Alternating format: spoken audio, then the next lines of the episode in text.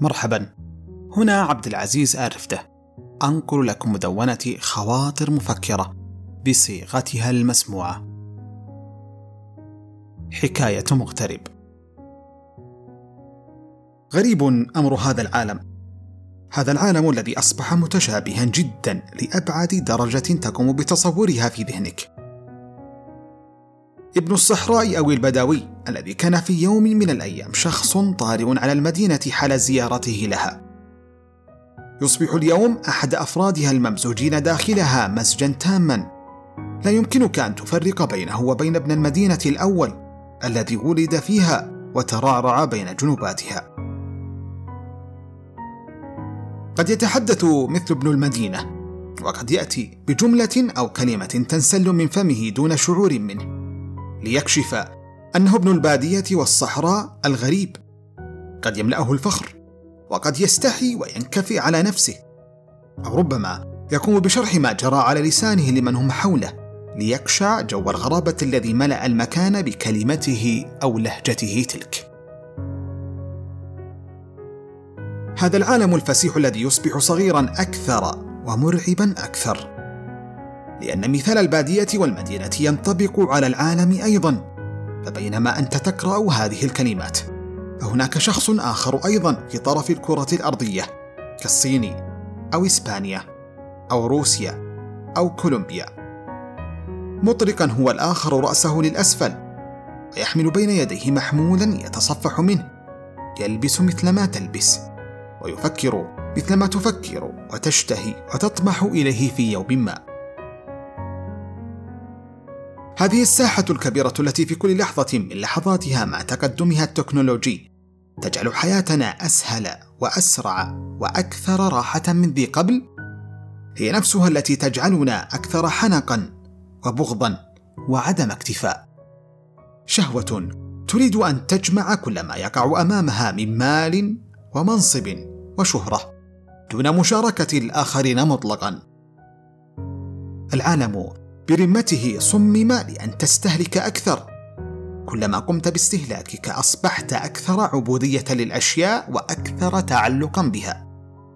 غريب جدا أن تشتري عبوديتك طوعا منك ودون إكراه مسبق. سبق أن قرأت بأن حال تخليك عن الأشياء فأنت بذلك تشتري حريتك لتصبح المعادلة.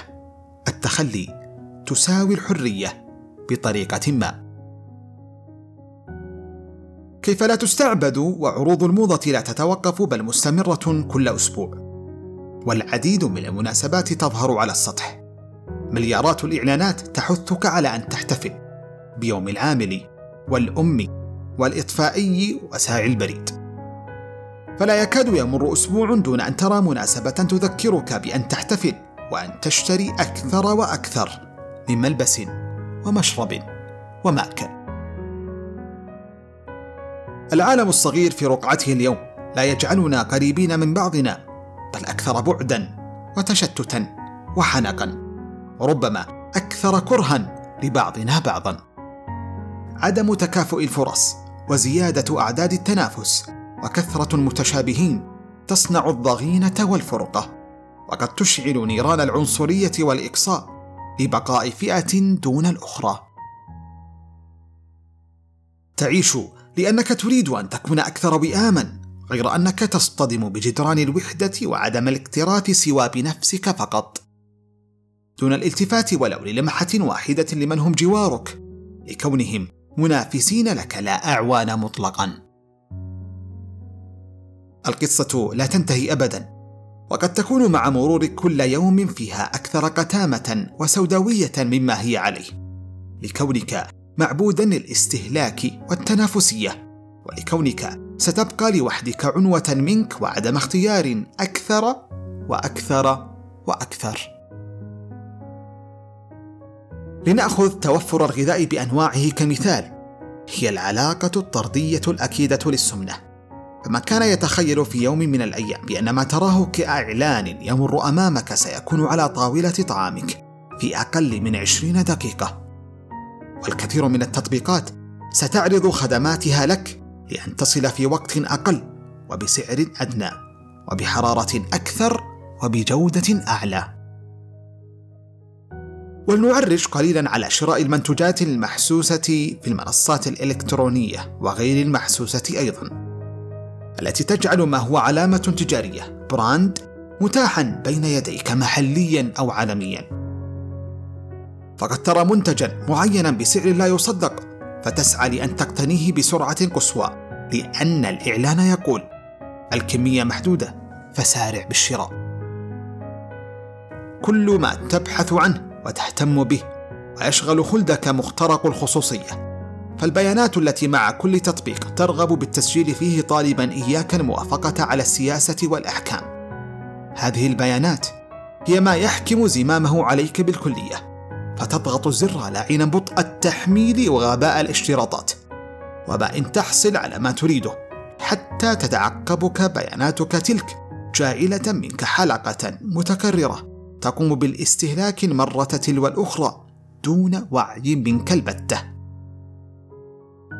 ألم تتساءل عن تشابه ما تحبه دوما على منصات يوتيوب وإنستغرام وسناب شات وتويتر وجوجل؟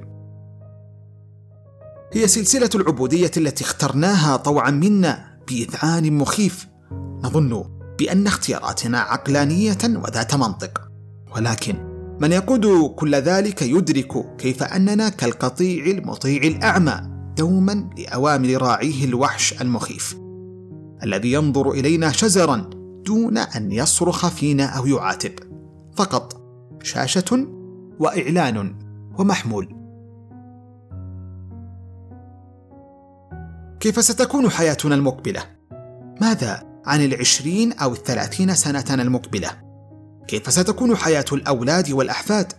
ماذا عن البيئة التي سيعيشون فيها؟ ما هي فرص حبهم للحياة وتطلعهم إياها؟ سيعيشون في بيئة دون حروب ودون مكر ودون عبودية؟ هل ستكون حياتهم أكثر حبا وودا؟ هل سيتذكرون ما كنا نعيش فيه متندرين علينا وضاحكين؟ هل سيقومون هم الآخرون بالحسد واللعن على ما اقترفته أيدينا تجاههم؟ أسئلة شائكة في عصر لا يجعلك تتفكر وتتساءل عن الغد القريب. اليوم يمر بروتين لا يدهشك ولا يستحثك على التفكير والإبداع والخروج عن المألوف. فتتساءل كيف هو الغد؟ وما مقدار عبوديتك للأشياء؟ فقط تذكر المعادلة. التخلي تساوي الحرية.